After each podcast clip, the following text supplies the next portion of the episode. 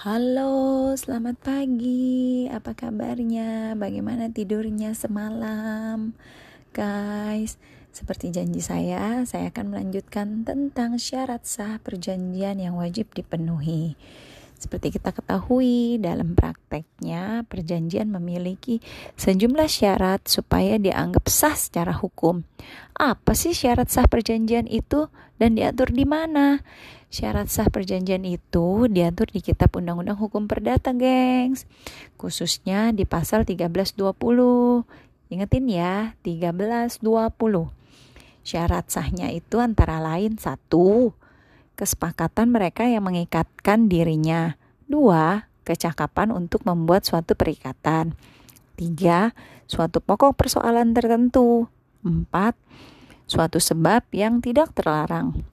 Nah, syarat pertama dan kedua itu di kesepakatan mereka dan kecakapan untuk membuat perikatan itu kita sebut sebagai syarat subjektif. Kenapa? Karena berkaitan dengan para subjek yang membuat perjanjian. Dan yang ketiga, suatu pokok persoalan tertentu serta empat suatu sebab yang tidak terlarang itu kita sebut sebagai syarat objektif. Kenapa? Karena berkaitan dengan objek dalam perjanjian. Nah, sekarang aku akan jelasin satu-satu ya. Apa sih yang dimaksud dengan kesepakatan mereka yang mengikatkan dirinya? Itu berarti para pihak yang membuat perjanjian harus sepakat dan setuju mengenai hal-hal pokok atau materi yang diperjanjikan, gengs. Nah, kesepakatan itu biasanya dicapai dengan tanpa adanya paksaan, penipuan, atau kekilafan. Juga adanya unsur pengikat. Inilah yang kemudian menjadi syarat sah perjanjian. Contohnya nih ya, gengs. Suatu perusahaan ingin menyewa sebuah kendaraan bermotor dari perusahaan penyedia kendaraan bermotor.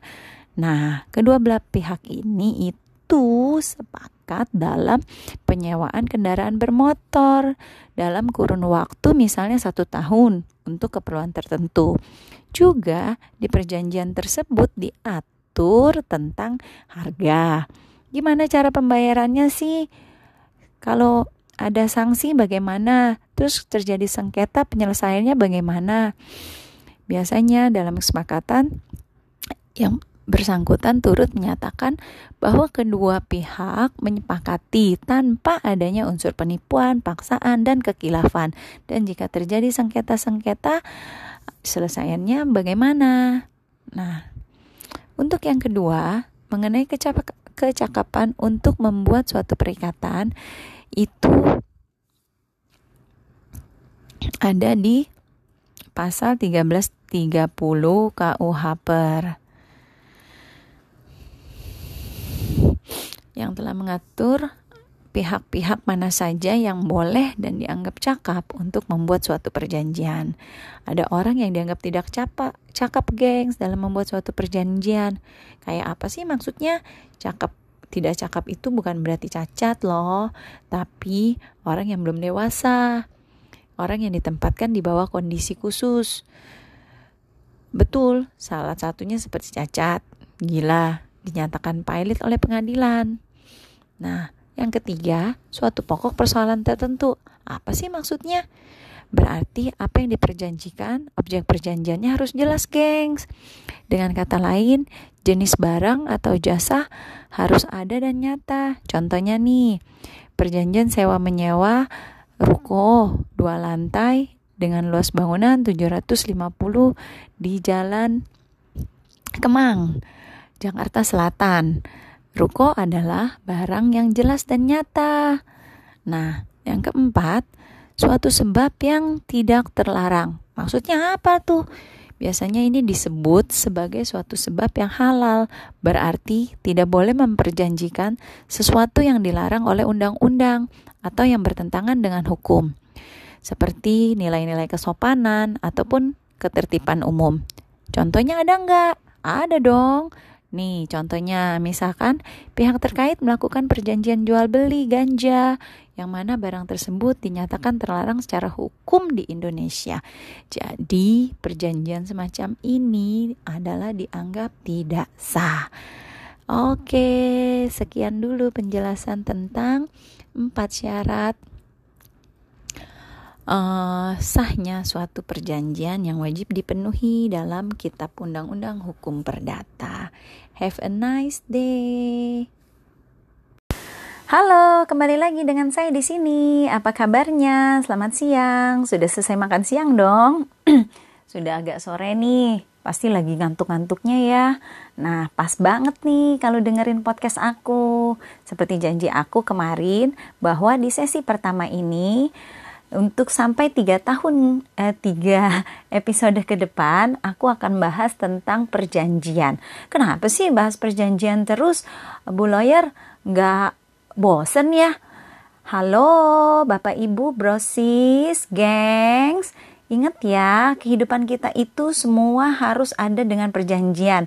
Kayak seperti mau pacaran aja kan berarti kita janjian dong ada keikat, ada perjanjian antara pemuda dan pemudi. Habis pacaran ngapain? Nikah dong. Berarti kan itu suatu janji loh, komitmen untuk sehidup semati. Habis habis nikah ngapain sih? Mau kerja. Yang yang sekolah mau kerja. Itu ada perjanjian juga dong. Nah, pas banget nih. Untuk yang kali ini tema episode sekarang aku akan bahas tentang syarat sah perjanjian kerja. Sebelum masuk lebih dalam lagi tentang apa sih syarat sahnya perjanjian kontrak kerja itu, saya akan kasih tahu saudara-saudara semua apa itu kontrak kerja. Kontrak kerja adalah perjanjian antara pekerja dan pengusaha atau pemberi kerja yang memuat syarat-syarat perjanjian kerja yang sah menurut hukum ketenaga kerjaan di Indonesia. Nah, dalam kontrak kerja itu akan memuat syarat-syarat syarat-syarat, hak dan kewajiban para pihak, baik pekerja ataupun pemberi kerja. Di mana melalui hal tersebut kita bisa mengetahui status karyawan kerja dan apakah kita akan menjadi karyawan tetap atau kontrak. Hmm, sampai sini dulu. Ngerti nggak?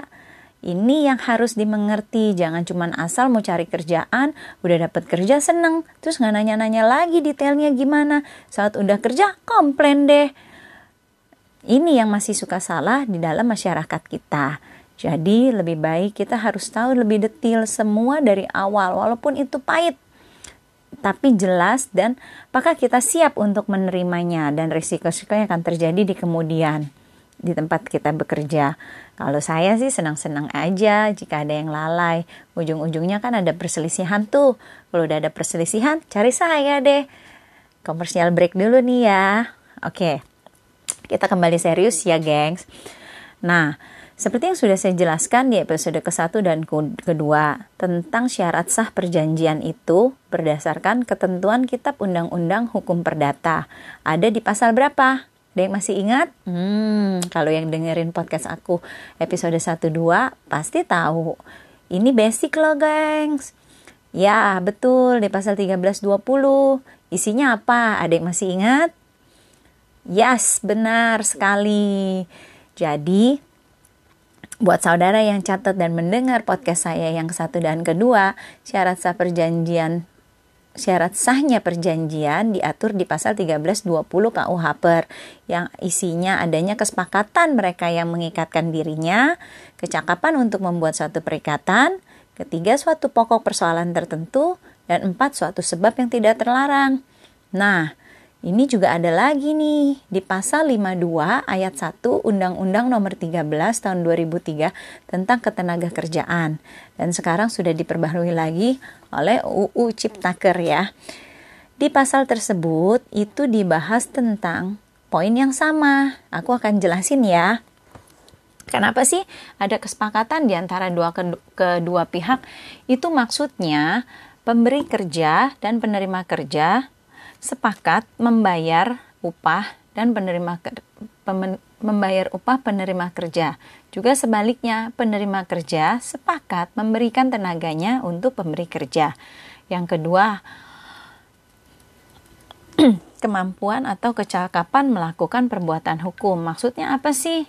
Usia pekerja harus telah memasuki usia untuk mampu dan cakap melakukan perbuatan hukum. Terus yang ketiga, pekerjaan yang diperjanjikan. Ah, apa sih maksudnya pekerjaan yang diperjanjikan? Yaitulah jika adanya pekerjaan yang dijanjikan pemberi kerja ke penerima kerja beserta dengan status pengangkatan karyawannya. Yang keempat, pekerjaan yang diperjanjikan tidak bertentangan dengan ketertiban umum, kesusilaan, dan peraturan perundang-undangan yang berlaku. Nah, saya rasa kalimat yang keempat ini cukup mengerti ya. Oke, selanjutnya ini poin yang sangat penting. Kayaknya kalian harus ambil bolpen. Tidak hanya itu, di perjanjian kerja yang dibuat secara tertulis sekurang-kurangnya harus memuat hal-hal sebagai berikut nih. Satu, ada nama perusahaan, alamat perusahaan, dan jenis usaha. Nama, jenis kelamin, umur, dan alamat pekerja. Yang ketiga, jabatan atau jenis pekerjaan. Yang keempat, tempat pekerjaan. Yang kelima, adanya upah dan cara pembayaran dong. Ini yang kita tunggu-tunggu dong setiap wawancara. Yang keenam, syarat kerja yang memuat hak dan kewajiban pengusaha dan pekerja, mulai dan jangka waktu berlakunya perjanjian kerja. Delapan, tempat dan tanggal perjanjian kerja itu dibuat. Kesembilan, tanda tangan di atas materai, jangan lupa di antara para pihak dalam perjanjian kontrak. Kalau nggak ada tanda tangannya nggak sah dong. Oke, kayaknya saya rasa itu dulu untuk topik hari ini. Bye.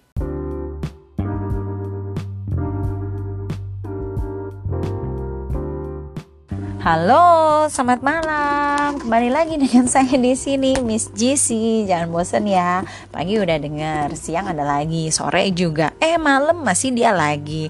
Tetap semangat, jangan menyerah seperti saya yang juga tidak menyerah untuk terus mau berbagi ilmu-ilmu hukum walaupun dasarnya dan walaupun masih teori nggak apa-apa ya guys namanya masih baru-baru uh, sebenarnya semuanya ini bisa kalian dapat sih, bisa kalian googling.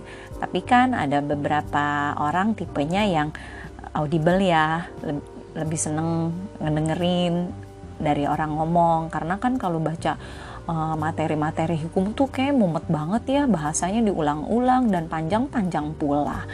Oke, nah ada yang nanya nih ke aku dari yang udah aku sharing uh, di empat episode sebelumnya jadi kalau nanti ada kondisi-kondisi yang membat bisa membatalkan keabsahan perjanjian tuh kayak apa sih maksudnya?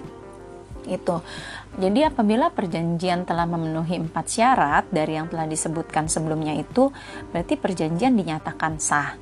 Tapi ada juga uh, perjanjian bisa batal demi hukum. Kenapa? Bila tidak memenuhi syarat ini, yaitu avoidable. Avoidable itu di mana syarat kesepakatan mereka mengikatnya dan kecakapannya itu tidak terpenuhi.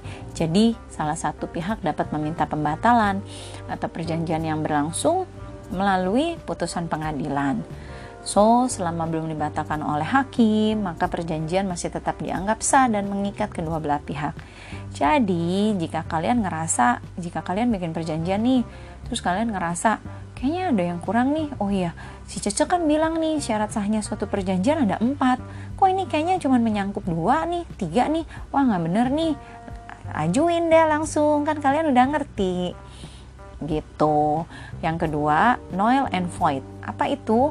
Itu ada di syarat tentang pokok persoalan dan sebab yang tidak terlarang. Jika tidak terpenuhi maka perjanjian itu batal demi hukum. Jadi perjanjian dianggap nggak pernah ada jadi kalian harus aware ya guys dah satu lagi ada yang nanya nih, eh cek gimana akibat hukumnya jika syarat sah perjanjian tidak terpenuhi? Hmm, bagus banget pertanyaan ini, cakep ya kan? Jadi jika kalian dengerin uh, podcast-podcast aku sebelumnya, suatu perjanjian telah diatur dan dicatat dalam KUH kan? Artinya adalah perjanjian bisa di bawah karena pengadilan bila salah satu pihak ada yang mengingkari. Bila uh, di antara keempat syarat itu telah disebutkan tapi tidak terpenuhi, maka perjanjian bisa dibatalkan. Jadi tapi kembali lagi seperti yang udah aku jelaskan ya, itu untuk poin nomor 1 dan 2. Tapi untuk poin nomor 3 dan 4, perjanjian dianggap batal dan akan tidak pernah ada. Jadi, bila salah satu pihak mengingkari perjanjian dan syarat sahnya perjanjian, pihak itu bisa menuntut ke pengadilan dan pihak yang mengikari berpotensi menerima sanksi denda atau sanksi yang disepakati keduanya. Demikian penjelasan saya mengenai syarat sah perjanjian. Mudah-mudahan bisa menambah wawasan kita semuanya dalam sebelum membuat perjanjian ya. Masih ada satu lagi. Jangan bosan ya untuk terus dengerin. Stay healthy. God bless you. Bye.